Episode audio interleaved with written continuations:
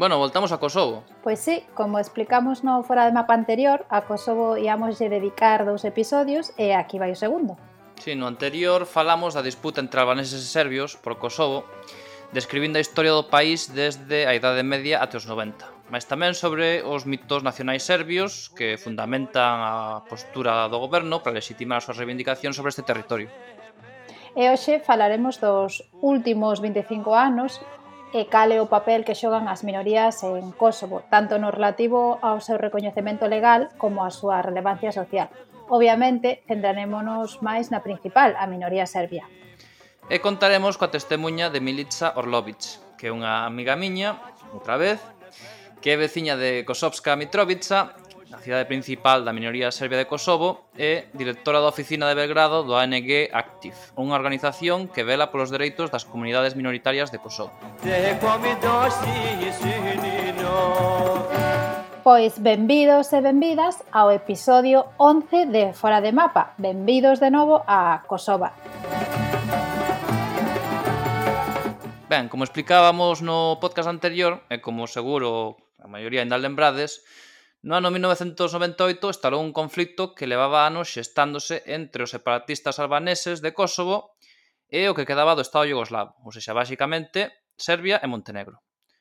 Boa parte dos separatistas albano-kosovares seguiron a vía da resistencia pacífica pregonada polo seu líder principal, o Ibrahim Rugova, pero a falta de resultados eh, e de cambios na política yugoslava con respecto ao país, a, Kosovo, acabou por botar ao monte a, a moitos independentistas.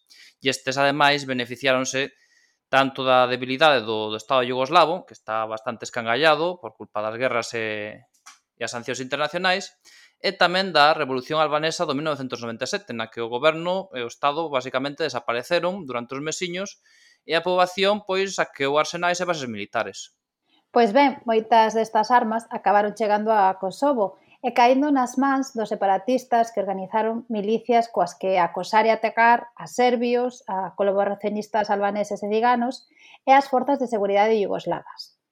Estas últimas non se andaban con moitos reparos á hora de esmagar esta subversión e provocaron verdadeiras masacres tanto de combatentes como da poboación civil. Esta violencia e represión foi medrando tanto porque o UCK, a guerrilla separatista albano-kosovar, se facía máis poderosa e efectiva en certas rexións como porque o Estado yugoslavo enviaba máis unidades de policía do exército e milicias ultras para acabar coa guerrilla e sementar o terror. Por exemplo, pois queimando aldeas, saqueando casas, expulsando os seus habitantes e moitísimas outras barbaridades. Como xa saberedes, as potencias occidentais non lles prestou moito isto e pretendían impedir outro conflito como o que acababa de acontecer en Bosnia. Por tanto, forzaron as negociacións entre as dúas partes que fracasaron porque tanto Serbia non quería darlle unha autonomía similar a que Kosovo tiña nos tempos de Tito e sobre todo non quería ter esa parte do, do seu territorio ocupada por tropas estranxeiras. E ademais, pois os rebeldes albano-kosovares querían autodeterminación canto antes. E sí que ao fracasaren as negociacións, a OTAN, sen o mandato da ONU, bombardeou Serbia durante 78 días, enda que Montenegro tamén recibiu algún bombazo, pouquichiños, pero algún recibiu. Este bombardeo causou entre 631 e 1200 mortos, depende de quen os conte. Sobre todo en Kosovo. Ademais, o bombardeo forzou a Milosevic a aceptar as condicións propostas pola OTAN, ou seja, permitir o despregamento das forzas occidentais e ordenar a saída do exército yugoslavo de Kosovo. Este conflito acabou coa vida de 13.535 persoas, das cales aínda seguen desaparecidas a día de hoxe 1.639. Destas vítimas, 10.812 eran albanesas, 2.197 serbias e 526 doutras minorías. Moitas destas vítimas albanesas apareceron e seguen aínda a día de hoxe a aparecer en fosas comuns en Serbia, Ademais, o conflito causou unha crise humanitaria moi importante, xa que case a metade da poboación, 600.000 kosovares, sobre todo albaneses, fuxiron do país aos estados veciños para salvar a vida e moitos non tiñan onde regresar, xa que as casas foran saqueadas e queimadas polo exército ou as milicias serbias. Tamén foi queimado e saqueado moito do patrimonio relixioso e histórico albanés. Ademais, moitas mulleres e algúns homes foron violadas e torturadas sexualmente polas forzas serbias e moitas delas víronse obrigadas a abortar. Por outra banda, o Exército de Liberación de Kosovo tamén atacou o patrimonio relixioso e cultural serbio, por exemplo, destruindo completamente o mosteiro de Sochiste. Ademais, asasinou e acosou a serbios, ciganos e albaneses colaboracionistas con Serbia, forzándose a fuxir, e isto sucedeu tanto durante o conflito como a posteriori. De feito, varios dos líderes do Exército de Liberación de Kosovo, o UCK, que logo acabaron gobernando o país, están hoxe a ser procesados pola Corte Internacional para xulgar os crimes de guerra de Kosovo, por cousas como, por exemplo, traficar cos órganos de serbios executados. Pois ben, con este panorama chegamos ao ano 2000, cun Kosovo ocupado pola OTAN, no que se comezan a construir as estruturas para un futuro autogoberno, e a establecer as garantías para a protección das minorías, máis sempre baixo a supervisión da Unión Europea e da ONU. Esta é tamén unha época de pobreza, de migración, de reconstrución e tensión, máis tamén de moita violencia étnica. En 2008, a Asamblea de Kosovo declara a independencia do país e unhas semanas despois entra en vigor a Constitución de Kosovo. Esta fundamentase tanto na resolución da ONU, que establecía unha misión internacional para administrar Kosovo temporalmente, como no plan negociado por esta comunidade internacional para establecer un autogoberno kosovar vigilado polas Nacións Unidas. Esta independencia foi declarada en 2010 como legal ou alegal polo Tribunal da Haia, xa que, segundo o propio tribunal, a lei internacional pública non proíbe as declaracións de independencia. De calquera xeito, a Constitución desta recén estreada República de Kosovo recoñece sete minorías diferentes, a serbia, a bosníaca, a turca, a gorani, a roma, a ascali e a exipcia.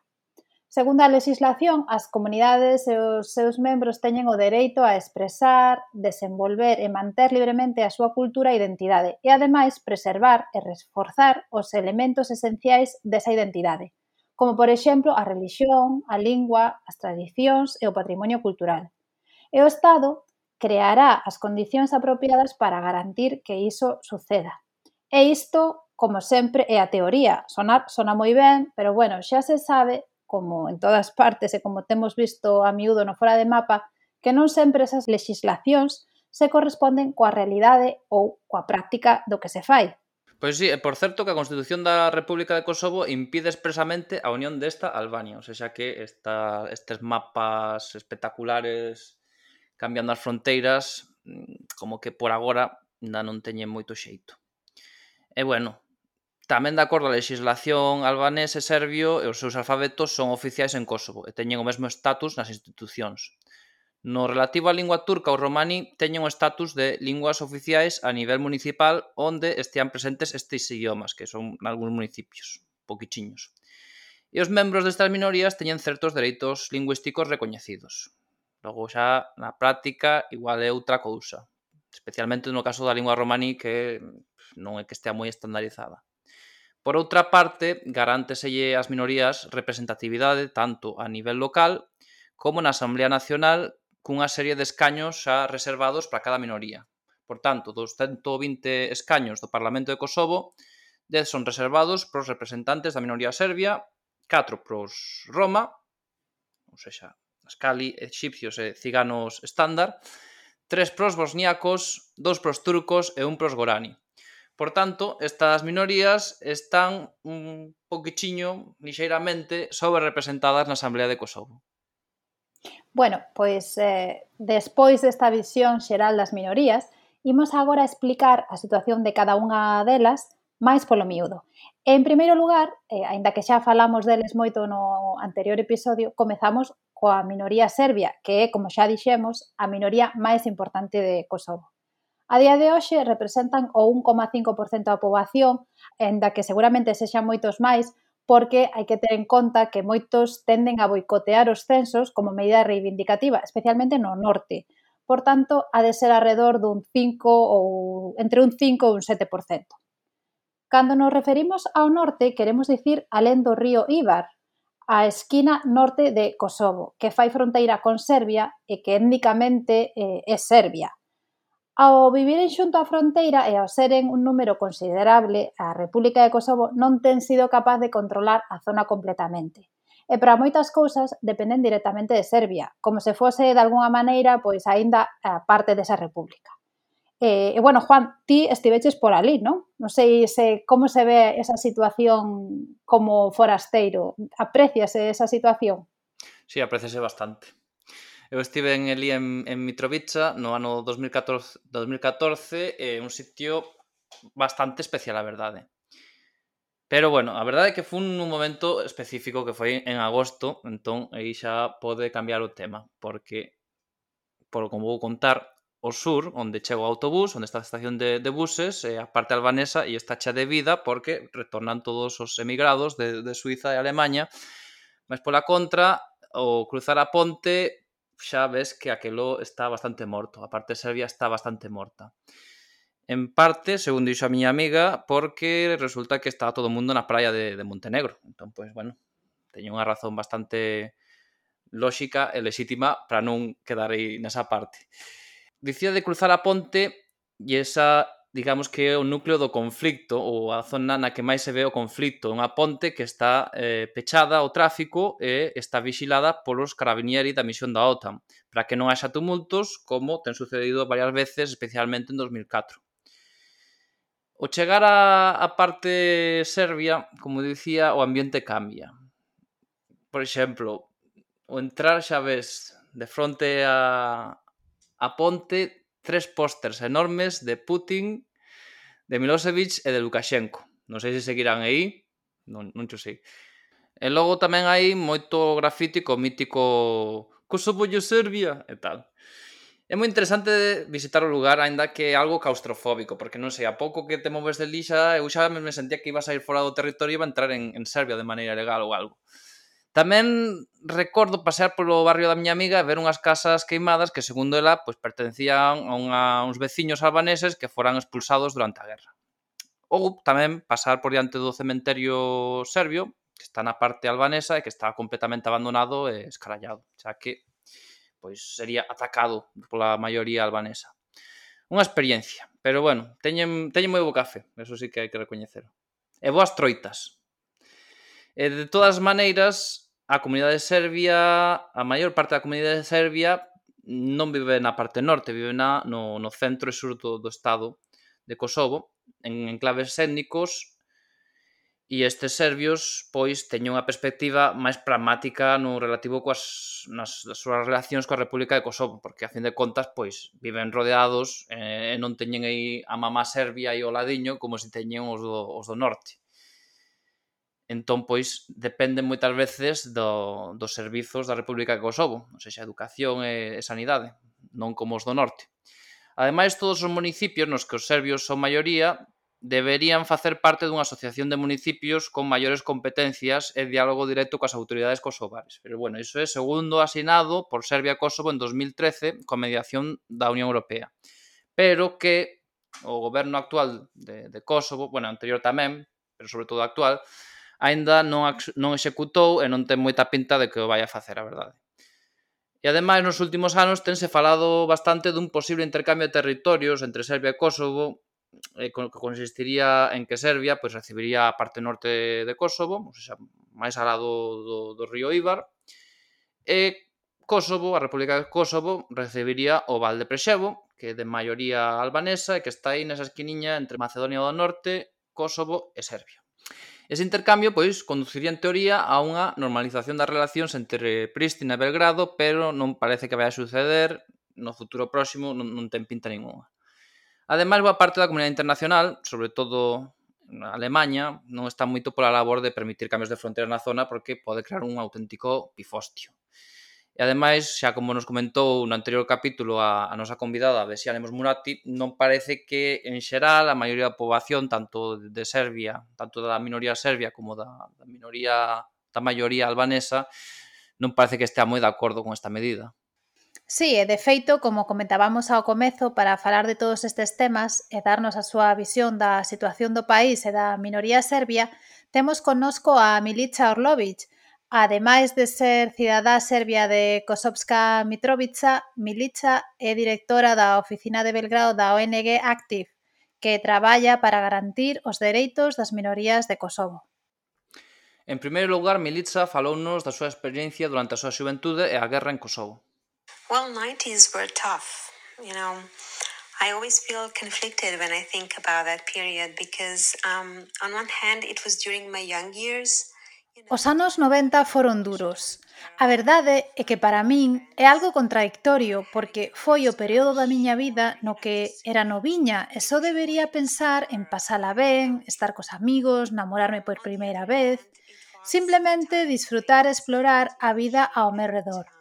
Pero, por outra banda, foi un tempo de moita incerteza e medo, debido aos conflitos que sucedían en Iugoslavia e debido á inestabilidade financeira e pobreza producida polas sancións internacionais. Eu tiña 16 anos cando a guerra en Kosovo comezou, e como no caso dos outros adolescentes, era xa grandiña para entender o que estaba a suceder, pero non comprendía por que chegáramos até ese punto. Foi devastador ver aos teus pais derrubarse, a túa familia e amigos espallada, os teus veciños fuxir e incluso desaparecer, o que lle facía temer que lle sucedera o pior.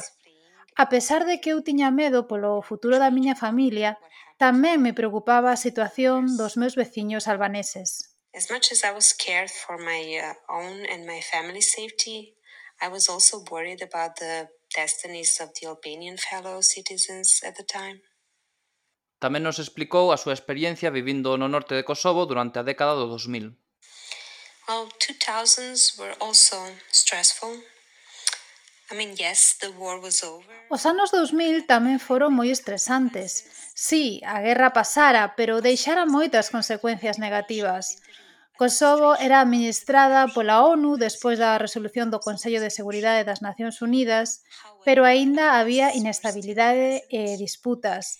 Foi un período no que había conflitos de baixa intensidade no norte de Kosovo, especialmente en Mitrovica, onde vivo, e os enfrentamentos eran entre as comunidades serbias e albanesas. Nese momento, a cidade foi, de facto, dividida co norte, no que viven os serbios, con fortes vínculos co Estado serbio, resistíndose á integración en Kosovo tanto antes como despois da declaración de independencia desta. Who maintain their strong ties with Serbia proper and resist the integration into the Kosovo system. Milica tamén nos deu a súa opinión sobre o futuro da súa comunidade, a Serbia, e das minorías en xeral na República de Kosovo. I believe the future of the Serb minority in Kosovo, um, to the great extent, um, depends on the outcome of the ongoing dialogue between Belgrade and Pristina, which is under the auspice of the EU. Um, however, the internal dialogue... Creo que o futuro da minoría serbia en Kosovo depende dos resultados do diálogo entre Belgrado e Pristina, coa intermediación da UE. Pero o diálogo no seo da comunidade serbia é moi importante tamén, especialmente á hora de definir os obxectivos para esta comunidade. Mas tamén é relevante o diálogo eh, desta co goberno de Prístina para comunicar estes obxectivos e que se protexan os seus intereses. O marco legal para protexer os dereitos e intereses da comunidade serbia en Kosovo existe e é bastante avanzado, pero hai un problema, a falta de vontade política das autoridades de Prístina para comprometerse coas minorías de Kosovo, especialmente a Serbia. No relativo ao intercambio de territorios, é interesante ver como estas solucións creativas xurden, pero hai que ter cuidado con respecto a este tipo de plans, porque poden causar máis problemas na rexión. Ademais, non está demasiado claro se este plan sería apoiado pola maioría dos serbios de Kosovo, xa que a maioría deles viven no sur de Kosovo.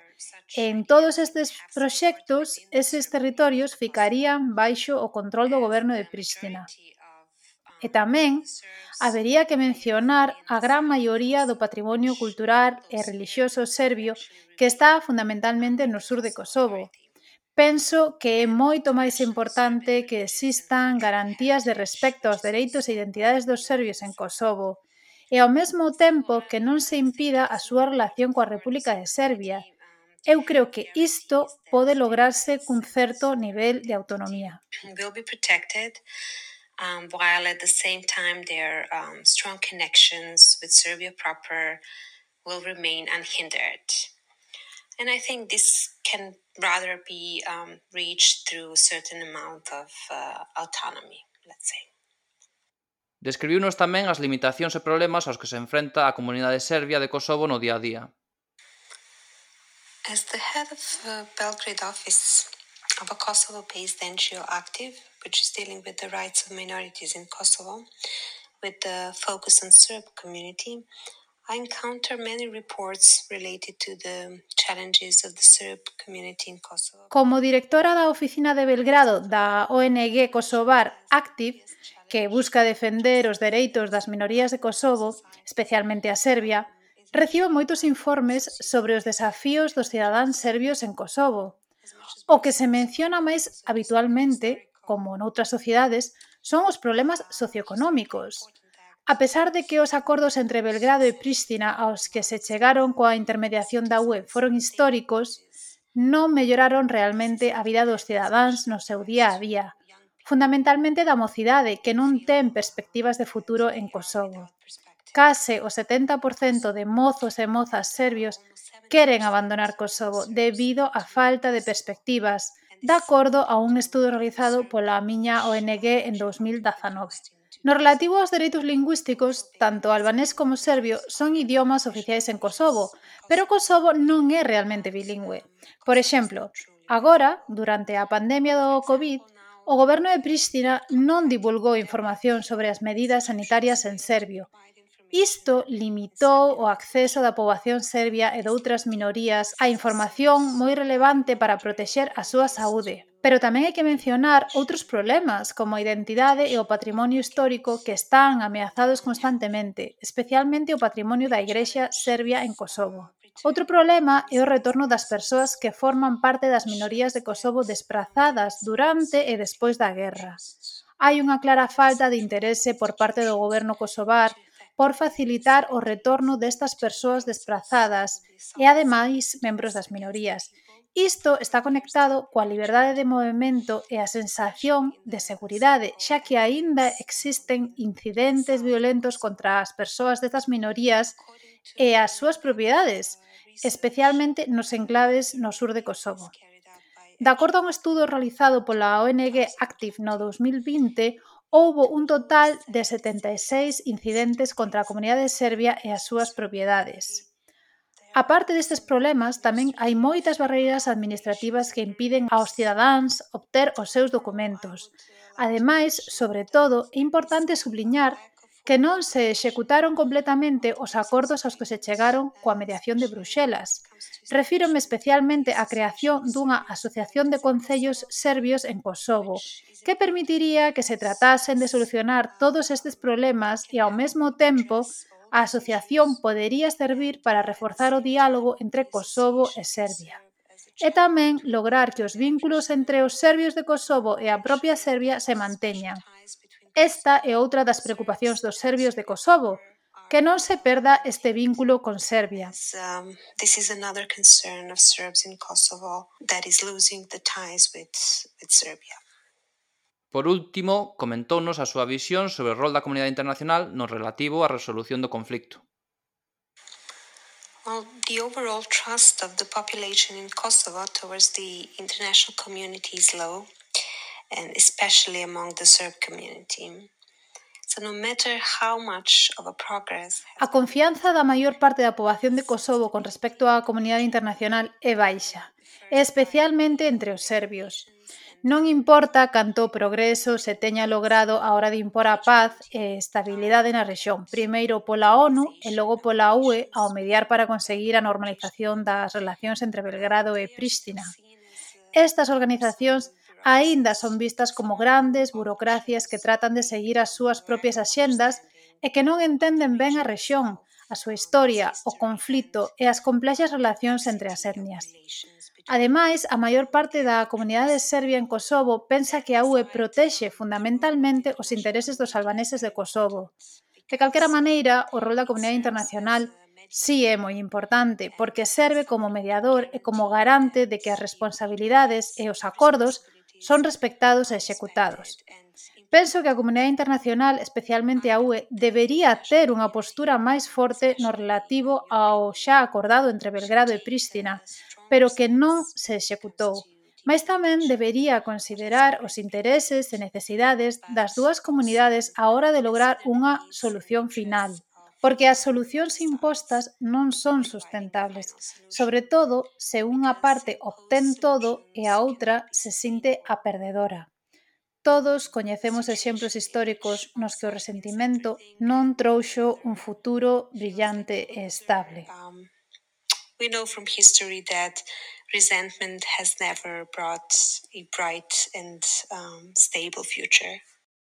Agradecemoslle moito a Militza a súa testemunha que xunto coa de Besiane Musmurati no episodio anterior axúdanos moito a entender a situación das dúas comunidades principais do país. Bueno, deixamos eh, xa os serbios e imos coa segunda minoría máis importante demográficamente que é a dos bosníacos, que son 27.553 persoas, o que supón ou 1,6% da poboación. Son basicamente eslavos e musulmáns. Esta etnia é a maioritaria en Bosnia hoxe en día e fundamentan a súa etnicidade nesa religión ou herdanza cultural musulmana. Os bosniacos de Kosovo, como os de Bosnia, seguen maioritariamente o islam sunita de interpretación Hanafi, que é a escola de pensamento islámica máis liberal. Viven, sobre todo, no sur do país, xunto ás montañas Sar que son ben bonitas e non nos cansaremos nunca de recomendar que deades un paseo por ali. Bueno, coa publi que lle estamos a facer entre este episodio anterior, xa nos podían dar un, unha comisión ao goberno kosovar ou inventarnos, invitarnos a algo, non? Si, sí, non sei, un, unha black, unha tarxeta black, non? Para poder ir ali e sin pagar e ter todo pago. Eu con, con que me dean un paseo por ali a lo bien, pois pues xa contenta. Bueno, a nivel lingüístico ou de raza apenas se diferenzan dos serbios ou croatas. De feito, o nome bosníaco é un termo bastante recente, usado para definir aos eslavos musulmáns e darlles así unha identidade máis definida. Antes, segundo o censo e a legislación, eran musulmáns a secas, pero con M mayúscula. E por antes referímonos aos anos 60, que é cando o Estado yugoslavo recoñece a estes musulmáns como nación integrada no Estado, como facía con croatas, macedonios e eslovenos. Esta relevancia do feito relixioso a hora de dividir a comunidade é en parte un produto da dominación otomana que dividía as diferentes comunidades fundamentalmente en grupos relixiosos, ou seja, ortodoxos, armenios, xudeus musulmáns ou católicos. Dáballe, polo tanto, menos relevancia á lingua ou cultura a hora de clasificar e organizar as sociedades e povos que vivían dentro do imperio. Por iso, un serbio, un bosniaco e un croata falan a mesma lingua e teñen unha cultura moi similar e diferencianse fundamentalmente na religión e nos ritos e tradicións ligadas a esta, que é o que fundamenta esa división. O contrario que, por exemplo, pois eh, neerlandeses ou alemáns que os ainos, ainos católicos e, e protestantes, en moitos casos existen maiores diferenzas nos dialectos que falan, pero que se consideran a sí mesmos partes da mesma nación, o contrario que bosnios, croatas e serbios, que, pola contra, pois, se cadra teñen moito máis en común que un bávaro e un alemán de Schleswig-Holstein, por exemplo sea, ao final, visto desde fora, eh, non, moitas veces non se entenden todos os conflitos dos Balcáns porque ao final son todos realmente, digamos, eh, primos entre eles, moi moi semellantes. Pois ben, como decíamos no podcast anterior, unha parte importante destes bosníacos viñan da propia Bosnia fuxindo da invasión e ocupación austríaca deste territorio no 1878. Outros tantos tamén se asentaron na zona fuxindo da expansión do Estado serbio que expulsou a poboación bosniaca e albanesa na, da zona de Nis.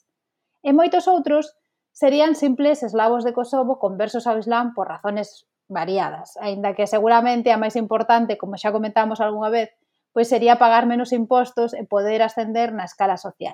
De calquera xeito, moitos destes bosníacos fuxiron de Kosovo canda os seus veciños eh, musulmáns, primeiro hacia o Imperio Otomano despois das guerras balcánicas e logo cara a Turquía ao rematar a Primeira Guerra Mundial. De feito, como comentábamos no episodio anterior, o Reino de Yugoslavia, o estado de entreguerras, tentou venderlle, entre aspas, 40.000 familias a musulmanas a Turquía, a cambio de 500 liras da época por familia. Pero bueno, isto non se concretou debido ao comezo da Segunda Guerra Mundial. O que se sucedeu tras a Segunda Guerra Mundial foi a emigración de moitos destes bosníacos a Turquía, emigración facilitada desta volta polo Estado Yugoslavo. Oxe, como dicíamos, os bosniacos teñen tres representantes dun total de 120 reservado na Asamblea de Kosovo. E están bastante ben integrados, pero moitos abandonan o país para migrar, sobre todo a Europa Occidental ou a Bosnia, que digamos o seu país. E como vos bosniacos fan uns burex excepcionais e teñen uns tulumbas moi bons, pero algo repugnantes. E iso dos tulumba que, que ven sendo? Porque os burex sí que os teño o, bastante localizados e, pro, e proveinos, pero os tulumba non teño nin idea.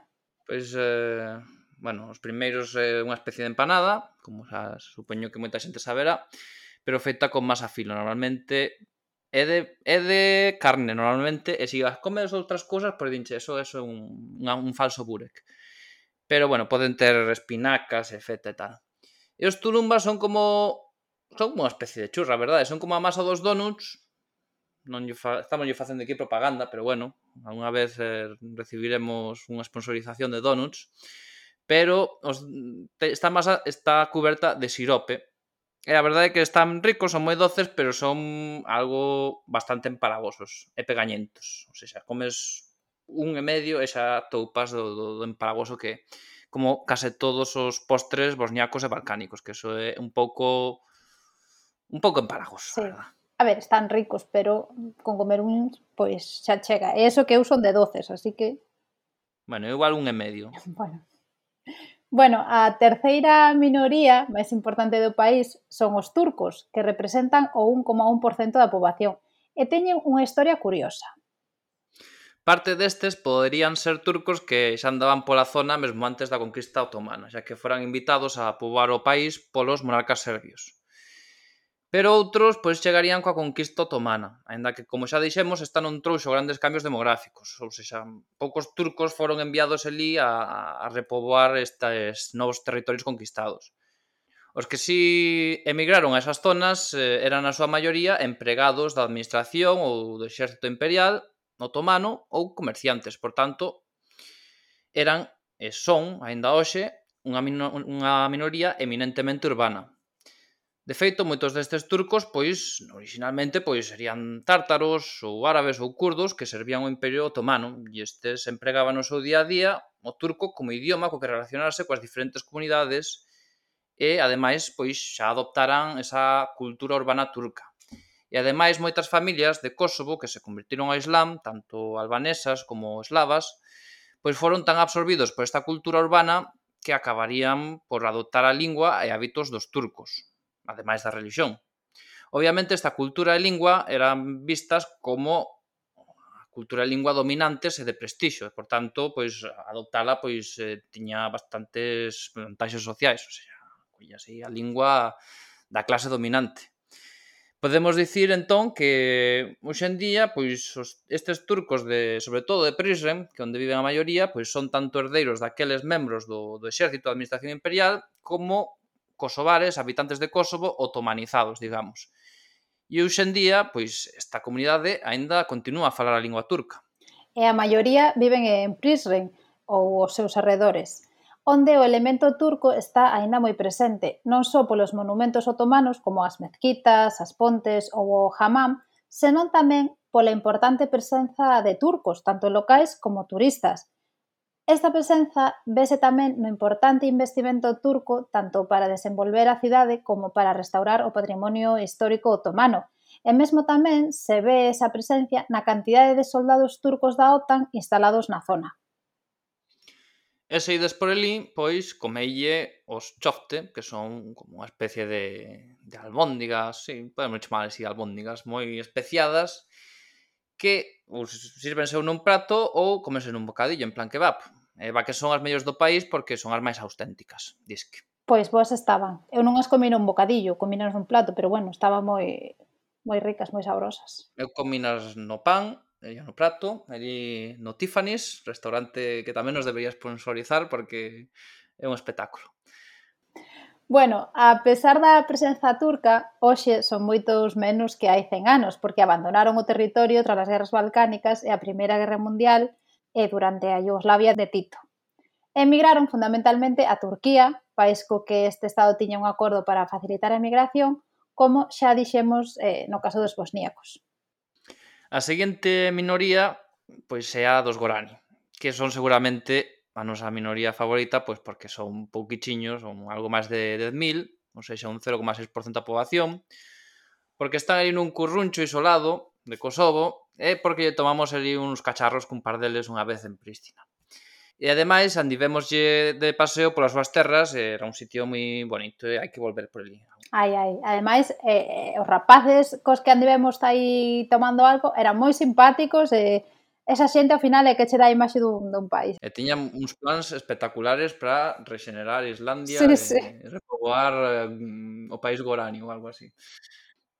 Pois ben, os goranis viven nese corruncho meridional de, de Kosovo, que fai unha esquiniña, e tamén na, nas zonas eh, xunto a esta, de Macedonia do Norte e de Albania. É unha zona moi montañosa e dai ven o nome deste povo, que é bastante pequeniño, tanto a parte de Kosovo como de Macedonia do Norte e de Albania. Son basicamente pois unha como unha comarca galega pouco máis. E ben, o ser unha, unha zona tan montañosa, o nome deste pobo pois eh, leva xa esa palabra, montaña, no, no propio nome, xa que Gorani quer dicir montaña en eslavo, nas linguas eslavas en xeral. E este pobo, como é obvio, pois é étnicamente eslavo e practican o islam, pero un islam a la balcanic, digamos. Ou seja, que celebran os ritos islámicos de toda a vida e ademais algúns días eh, de algúns santos especialmente San Xurxo, que é o Georgievan, que festexan outras comunidades dos Balcáns. E ademais comparten cos serbios a tradición de teren un, un patrón para cada familia, que un pouco como quen ten un patrón de dunha aldea, cada aldea ten un patrón en Galicia, pero isto xa é un nivel máis micro, ou seja, para cada familia. E, de feito, a razón pola que se pasaron o Islam va que foi bastante mundana, verdade? No século XVIII a, o Imperio Otomano aboliu os patriarcados de Peche e Ohrid e iso conlevou a falta de cregos que falasen unha lingua eslava, chamémoslle serbio, chamémoslle macedonio, macedonio ou búlgaro, nesa zona. E os coitados goranis tiveron que apandar con cregos gregos que non falaban a lingua local, nin daban a misa pois en eslavo eclesiástico. E, por tanto, como é normal, pois estes goranis pois acabaron picados, Eh, e decidiron cambiar o Islam. Como que cambia de parroquia porque non che gusta o crego, pois este pois, dixeron, pois xa ca tontuna, pois cambiámonos o Islam, e así pagamos menos impostos, e ademais como Constantinopla estamos aquí mandando moitos eh, moitos imáns, pois é eh, non moito máis fácil, pois cambiaron o, o Islam, ou seja que ao final foi todo unha cousa bastante pragmática. Eso che iba a decir, que os goranes moi pragmáticos. Sí, sí. Sí, sempre, sempre. E bueno, que idioma falan os goranis? Pois eh, iso vai depender un pouco de a quen lle preguntes. Os serbios din que falan un dialecto meridional do serbio e os macedonios do norte e os búlgaros din que falan eses idiomas ou ese idioma, de, depende de quen o mire. Hai que sinala que a súa fala pode considerarse un idioma de seu. Iso sona un pouco a outros casos como o dos rutenos, que xa que o viviren isolados nas montañas, é normal que teñan trazos dialectais pois propios. Durante séculos, gran parte da poboación masculina dedicouse á gandeiría transhumante, indo de norte a sur, dependendo da estación, como falamos no caso dos nosos amigos arrumanos. Por iso, a maior parte deles son políglotas e poden comunicarse tanto no seu idioma como en serbio, en búlgaro ou normacedonio e en albanés tamén. É seguro que moitos deles tamén en turco. E claro, estaren así tan indefinidos, os diferentes estados da rexión queren apropiarse deste pobo, digamos. Así, moitos, eh, en moitos censos durante o século XX, os goranis figuraban como serbios, como musulmáns ou bosniacos. De feito, pois uns din que son serbios islamizados, outros que son búlgaros ou normacedonios musulmáns e outros que os seren eslavos e islamizados pois son realmente bosniacos. Xa se sabe. Se tes ali unha minoría noutro país, sempre podes tratar de influir nel. E o certo é que os guaranis, pois, bueno, estar ali nas montañas, pois, tiveron unha posición de neutralidade na guerra de Kosovo, pola que recibiron tanto críticas como halagos. Eles non se metían en historias porque estaban ali naquela esquina e, bueno, pois estaban tranquiliños. Ainda que tamén é verdade que, claro, ali pois calquera se isola estando nunha montaña de 2000 metros. De calquera maneira, hoxe hai unha parte importante dos goranis que defende a inclusión da, dos municipios nos que viven na asociación ou nesta futura posible asociación de municipios serbios da que falamos anteriormente. E tamén hai moitos, tanto en Kosovo como en Albania e en Macedonia do Norte, que se definen como goranis e parte da nación búlgara. E isto fano en boa medida ou en medida inteira para recibiren a cidadanía búlgara e, por tanto, un pasaporte da Unión Europea que lles permita emigrar máis facilmente, porque non son parvos. Pois pues non, son listos e, de novo, pragmáticos. Deben de ser os máis pragmáticos de todos os dos Balcáns. Mm. E, bueno, algúns preguntaredes vos, e se non, pois xa os preguntamos nós, que se son eslavos de raza e lingua, pero musulmáns, por que non se consideran bosníacos? Pois isto débese en boa medida a que a súa cultura é moi particular ao estar ligada ás montañas e a esa rexión isolada, e a gandeiría transhumante. Así, por exemplo, desenvolveron tradicións propias que fixeron xurdir unha identidade aparte, ligada tanto a esas tradicións como a esa bisbarra. Entre esas tradicións están as culinarias, que, como podedes imaginar, non son moi aptas para vegetarianos ou veganos, porque inclúen moito carneiro, cabrito e queixo. Mas tamén son uns expertos eh, reposteiros. Din que os que teñen máis zona nos Balcáns, o sea que aí é nada. E por outra banda, as súas bodas son un espectáculo en sí, non tanto pola festa e comida, que tamén, como podedes supoñer, senón pola vestimenta e maquillaxe que levan as noivas, que van coa cara toda pintada, así con formas bastante estranas, e chea de adornos. E nesas bodas podense escoitar ademais cancións tradicionais dos goranis como esta, Atilliche Velo. Oh.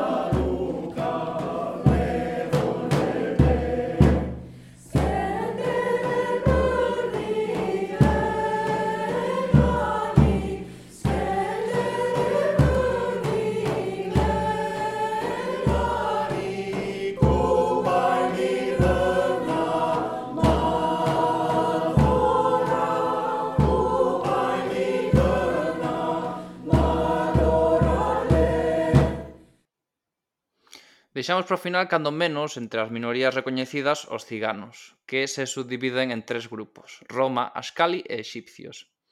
Ainda que moitas veces a poboación que os rodea simplemente os ve como ciganos sin diferencialos entre eles, o cal fai que os discriminen no seu conxunto. Pois ben, os exipcios teñen unha historia bastante curiosa. Existen de maneira oficial, ou seja, nos censos, desde principios dos 90, tanto en Kosovo como en Macedonia do Norte e en Albania.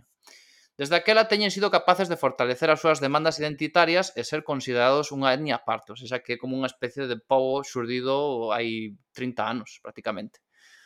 Ou seja, compilaron tradicións, cancións, estudos etnográficos para demostrar que realmente non son uns simples ciganos, senón algo diferente. Básicamente, son como un grupo étnico que a partir dos 70 e 80 desenvolveron unha especie de conciencia nacional. E vos preguntaredvos, Eh, e se non, xa preguntou por vos. E o nome este, donde sai? Porque a verdade é que é un nome bastante particular. E o certo é que, según parece, pois xitano ven de, de xitano. E gypsy, en inglés, ten esa mesma orixe. E pa que en albanés, por exemplo, dice evgytr, ou algo así, porque o meu albanés aínda está en vías de, de mellorar. E en varias zonas dos Balcáns tamén se facía referencia a Egipto o nomear os ciganos. En realidade non está clara cal é a orixe. Según algunha teoría, ao chegaren aos Balcáns, estes ciganos contaban a historia de que eran peregrinos vidos de Terra Santa. Deste xeito, eran mellor vistos polos locais e podían moverse con máis liberdade pola rexión. Pero ao cabo dun tempo comezaron a ser excluídos de novo polos seus novos veciños. Basicamente, esta era unha mentira piadosa, digamos, para poderen sobrevivir máis facilmente, xa que os pobres pois foron excluídos e expulsados dunha chea de sitios antes de chegaren a Europa. E, e pregúntome eu, por que precisamente Exipto? Pois porque era un lugar lonxano, exótico e máis ou menos coñecidos po, coñecido por todos polo Antigo Testamento. Está É a teoría que sona máis plausible e a que comenta o especialista Gerd Deutzings na súa obra sobre religión e política de Kosovo. Pero bueno, tamén hai quen os liga unha poboación exipcia, que segundo Herodoto vivía nos Balcáns xa na antiga Grecia, ou que os trouxe desde Egipto Alexandre Magno. Bueno, pois pues, non sei, iso moi realista non parece, a verdade. Non, non, non lle vexo moita lógica a todas esas teorías. Pero bueno, a primeira sí, a de George Duisings. Obviamente este mito da orixe egipcia morro de mostrarse no século XVIII que a lingua romaní que falaba este povo egipcio ten moitas similitudes cos idiomas da India, de onde procede o povo Roma en conxunto originariamente. De calquera maneira, moitos egipcios rexeitan a súa pertenza ao povo romaní, Por exemplo, viven normalmente nas cidades, non en guetos das aforas destas como Roma e teñen un estatus social máis alto. Ou sexa, son como a élite dos Roma e están máis urbanizados e integrados na sociedade e non lles gusta moito que os confundan cos primos pobres e, e, e máis excluídos. Sí, son un pouco uns separatistas ciganos, algo así son. Sí, algo así como rarito así da, da aldea que ten un pouco de diñeiro non, non se quere xuntar co resto. Bueno, sí, algo así. Ademais, os exipcios eh, sempre se dedicaron a unha serie de profesións artesanais como ferreiros ou quincalleiros. Por outra banda, son de religión musulmana, pero manteñen algúns ritos cristiás como a adoración a San Naum e a San Atanasio tamén teñen unhas tradicións e perspectivas moito menos tradicionais ou conservadoras co, ca outros ciganos, por exemplo, no relativo ao rol da muller ou á educación da rapaciada. Con respecto á lingua, hai séculos que comezaron a abandonar o idioma romaní e desde hai décadas só falan o albanés. Por iso, nos censos se identificaban como albaneses. Por iso e porque até o ano 1991 non había un apartado para os exipcios. Ademais, moitos ciganos prefiren non definirse como tales nun censo polo estigma que existe contra esta etnia e aos exipcios, obviamente, pois tamén lles pasaba iso. O Gerard Doisings, o que nomeamos anteriormente, tamén comenta unha razón extra para o xurdimento desta nova etnia en Kosovo, que é moito máis prosaica. Nos anos 90, Serbia reprimía a poboación albanesa de Kosovo, como xa comentamos no episodio anterior, e eliminaba o seu autogoberno, despedía miles e miles de funcionarios albaneses e sustituíaos por ciganos. En, moito caso, en moitos casos, tanto exicios como mm, Roma e como Ascali. Ao haber este cambio na balanza de poder entre serbios e albaneses, estes ciganos musulmáns e albanófonos xa non vían de maneira favorable identificarse a sí mesmos como albanesas secas. E claro, moito menos, obviamente, bueno, obviamente, para eles, non vamos ser aquí discriminadores, como parte do povo Roma. Así que crearon esta nova identidade para obter réditos políticos e económicos fundamentada nunha serie de características que, bueno, existir existe, bueno, xa, eles son un pouco diferentes, pero bueno, aquí cada un que decida que características e que importantes deben ser esas características para definir o que un pouco aparte do outro.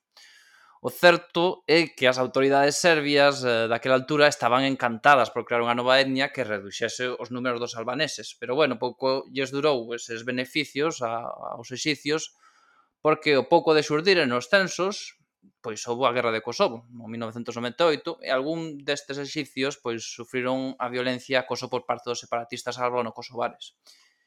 Hoxe en día, os exipcios de Kosovo son 11.524, ou seja, o 0,6% da poboación. Teñen dos partidos políticos, os dous cun diputado no Parlamento de Kosovo, asociacións e publicacións periódicas, eh, outras asociacións eh, mm, sociais, culturais, etc. O sea que nada mal os exicios, eh? Olle aí. Nada mal, nada mal. Fixeron un plan estratégico para crear unha identidade moi ben definido. Bueno, e a segunda comunidade dentro dos ciganos é a dos Ascali, tamén xurdidos nos 90 e que hoxe representan o 0,9% da poboación de Kosovo, unhas 15.436 persoas. Tamén neste caso teñen varias teorías sobre a súa orixe.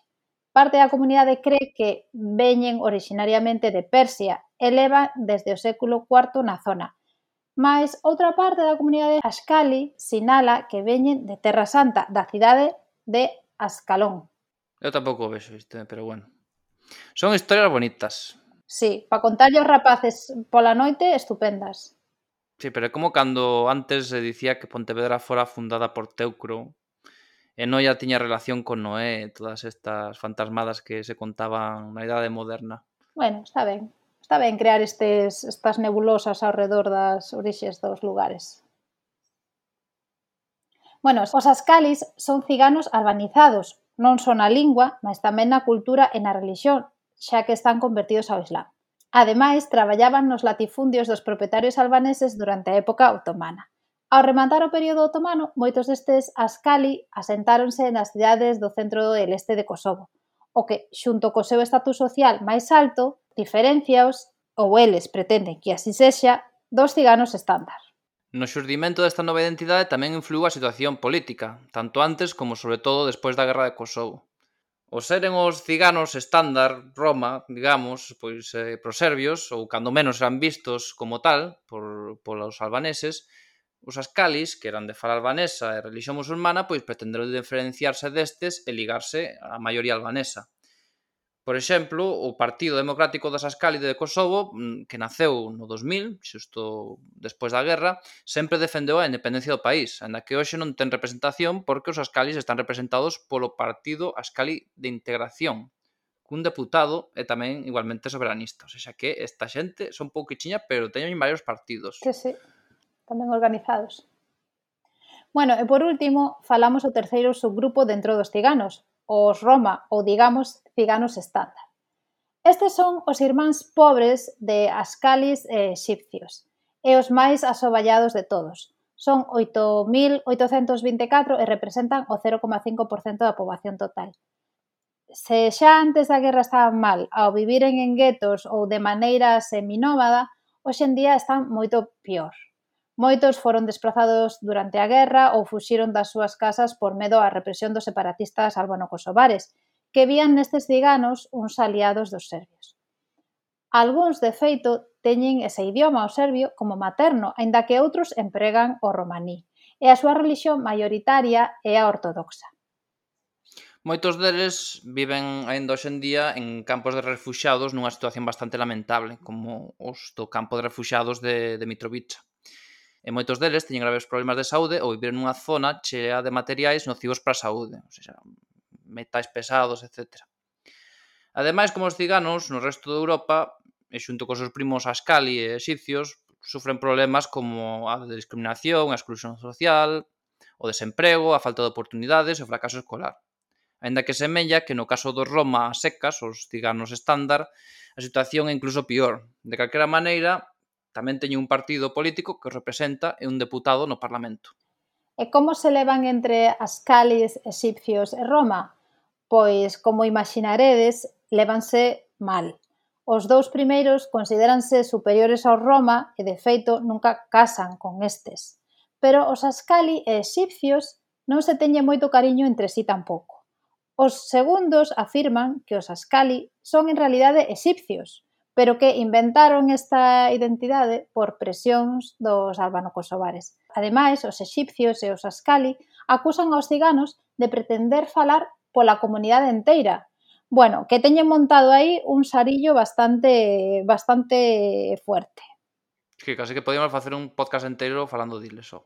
Pois poderíamos, pero a verdade é que non sei se nos acabaría explotando a cabeza igual para, para a cuarta tempada de Fraemap en 2025. Sí, temos que estar máis rodados, temos que estar máis rodados nesto, porque senón... E estas son as minorías recoñecidas, aínda que poderíamos sinalar algunha máis, moito máis pequenas, como por exemplo os xudeus, que nunca foron especialmente numerosos no, no país. E obviamente os seus números reduxeronse moitísimo co holocausto e coa migración ao Estado de Israel. Ainda así, hai unha minúscula comunidade de 56 xudeus sefardís en Prisran, onde abriron ou están por abrir, non me quedou claro, unha pequena sinagoga e museo. Tamén se está a construir outra sinagoga en Prístina, onde dis que hai unha pequena comunidade xudía, pero ollo. Os hebreos de Prístina din que istes de, de Prístina son uns falsos xudeus, uns arribistas, son xente que van de hebreus desde hai uns anos para obter réditos económicos e políticos, así como unha especie de la paguita de, del Estado de Israel. Eh, e non sei, bueno, non sei, non nos metemos, que mellor son xente que le vai toda a vida e estamos aquí a criticar por criticar. Pois pues sí, a ver, sonar, sonar, así desde fora, sona cando montas unha empresa para ter unhas subvencións europeas. Sí, pero bueno, se o din os de prisa en que levan aí toda a vida, pois imagino que será verdade, non? Será. Bueno, ademais, hai un pequeno núcleo de croatas no sudeste de Kosovo, nunha zona que se chama Cherna Gora, ou sexa, Montenegro, porque non hai só un. Estes croatas, que antano chegaron a ser 8.000, abandonaron o país durante as guerras balcánicas dos 90 para seren reasentados en zonas de Croacia onde se expulsou a poboación serbia no 95. Hoxe son uns cantos centos, a maioría viven xunto ao santuario da Virxe Negra de Letnice, unha virxe moi milagreira, seica. Seguro que sí. Hai que ir a Romería un día e subir os, os coches de choque.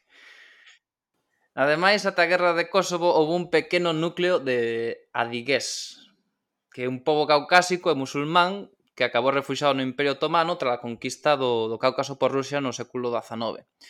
Constantinopla decidiu asentalos en Kosovo e reforzar así a maioría musulmana deste territorio, ainda que naquela altura, no século XIX, eran miles, tras pasar Kosovo a ser dominado por Serbia e Yugoslavia, moitos destes adigués eh, emigraron a, a Turquía. Ainda así, había uns 200 vivindo na, en Kosovo, nalgúns núcleos do centro do país, e conservando as súas tradicións en lingua caucásicas até os anos 90. Despois da Guerra de Kosovo, a Federación Rusa repatriounos e asentónos nunha pequena aldea ao pé de Maikop, que é a capital da Vigesia actual. Ou seja, que ainda vos podedes ir visitar e falar con eles se queredes. E penso que con isto chega, non é? Pois sí, a verdade é que creo que lle demos un, un bo repaso. Pero bueno, tamén poderíamos falar así xa rapidamente en último lugar das minorías religiosas. Eh, a maioría son musulmáns sunís, pero hai mino, unha minoría ortodoxa, maiormente os serbios, algúns católicos, como os croatas antes mencionados, e miles de albano-kosovares. E moitos bektaxis eh, e sufís, fundamentalmente de etnia albanesa e Roma. Por exemplo, hai uns en Prizren que teñen uns ritos moi, digamos, especiais furan as fazulas con pinchos cando entran en trance, atención, para eh, mostrar a súa unión con Deus ou unha cousa así do estilo. Bastante desagradable de ver, eh, non recomendable, pero bueno, hai en YouTube para quen lle quera botar un, unha ollada. Eh, non hai sangue, pero pero dá moita moita grima, a verdade. Sí, a verdade que un pouco asquerosillo, pero bueno, hai, hai que respetar, se si só se fan mal a ilesos, pois será por, por gusto, e por vicio. Sí, sí, a dor individual, cada un que a soporte como considere.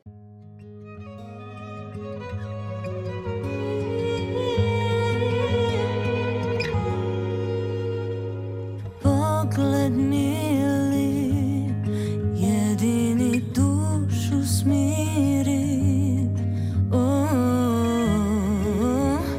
Bueno, e con isto chegamos ao final. Démoslle un bo repaso, bueno, un bo non, un espectacular repaso ás minorías de Kosovo. Sí, sí. Para facer un examen de selectividade mañá. Sí. Bueno, mira, xa que está en Cabau, hai, claro, por hai uns días, pois pues mira, perfecto. Hoxe pechamos a, o fora de mapa con Nevena Brozovic, que é unha cantante serbo-kosovar nada en Kosovska Mitrovica e que representou a Serbia en Eurovisión no 2019 con esta canción, Kruna. Canción sobre a que non teño opinión, normalmente teño unha opinión forte sobre as cancións de, de Eurovisión, pero sobre esta non teño porque non vin esa edición porque bueno, que lle vamos facer? Son unha persoa que boicoteo o Estado de Israel. Por tanto, no comment. Pois mire, eu non a escoitara, escoitei na por primeira vez eh, preparando o podcast. E eh, bueno, unha balada sin máis. Está ben. Eh, medio power ballad, pero sin chegar a power.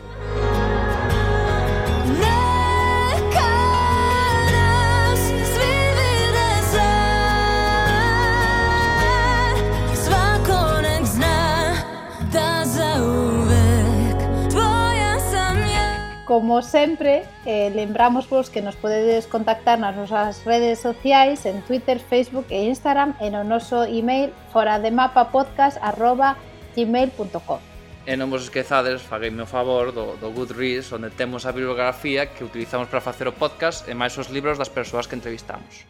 Pois nada, escoitámonos en 15 días. Miro Pafshim.